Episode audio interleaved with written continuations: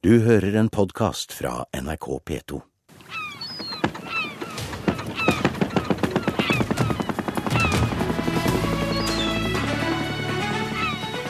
Politisk sommerintervju i Nyhetsmorgen.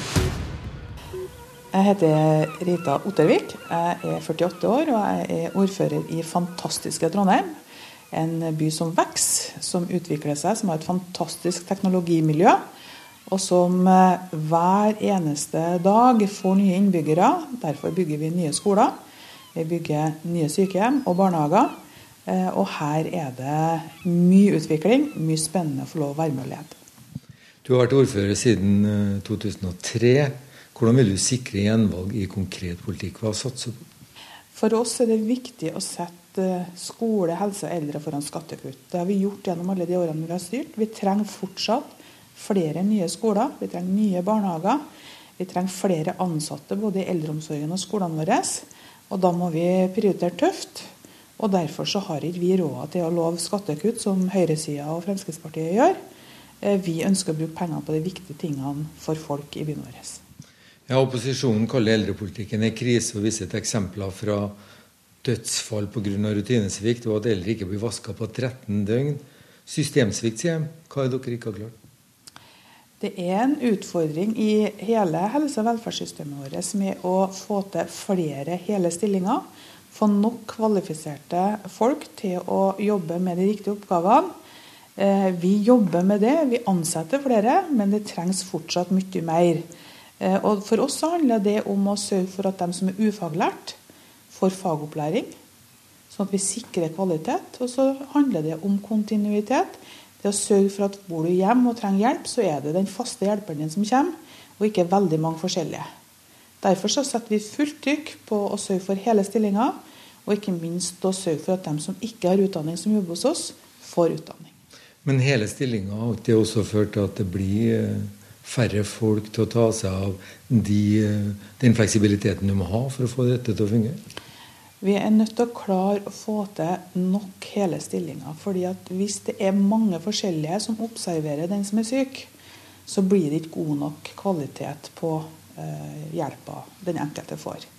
Selvfølgelig vil vi fortsatt ha studentstillinger og andre, men det som er utfordringa vår, er å få til kvalitet der den som skal yte hjelpa, og den som får hjelpa, faktisk treffer hverandre nok til at kvaliteten blir god nok. Du nevner skole. Dere har jo satsa veldig mye på å bygge skoler. Men når de er ferdige, så er de jo for små. Hva er det som er feil? Har dere planlagt for dårlig, eller venter dere for lenge? Vi ønsker ikke å ha de store gigantskolene i Trondheim. Vi har satt litt tak på hvor mange elever vi syns det er greit skal være på den enkelte skole. Så må vi sørge for, og det gjør vi, bygge nye skoler og utvide de mindre skolene til å bli større. For å ta av for alle de ungene som skal inn i skolene våre. Så vår skolepolitikk handler om å ha gode, trygge oppvekstmiljø, oversiktlige skoler, og ikke bygge de store fabrikkskolene. Det har ikke vi noe trua på. Det er jo en sammenheng her som har noe med investering og penger å gjøre. Gjelda til Trondheim er formidabel, og den øker mer. Dette ble jo ikke kritisert for.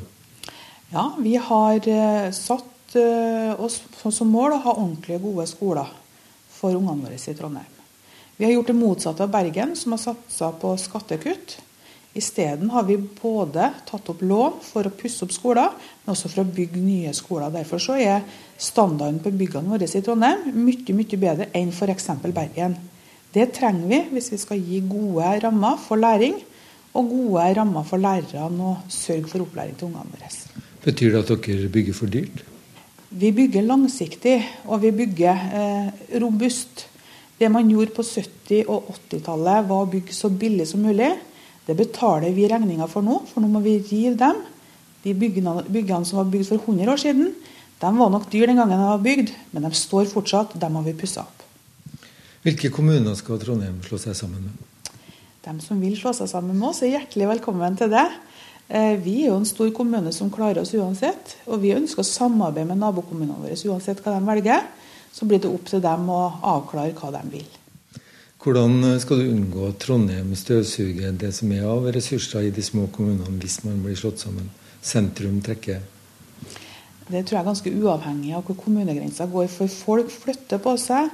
Både i forhold til å kjøpe seg bolig og i forhold til arbeidsmarkedet. Så det er der arbeidsplassene oppstår, der det er godt å bo. Det er der du vil få eh, veksten, tror jeg. Eh, og Vi ser det også i Trøndelag, med en formidabel vekst langs kysten. Fordi at havbruksnæringa er stor. Det skaffer mye arbeidsplasser, og da blir det mange som også flytter og bor der.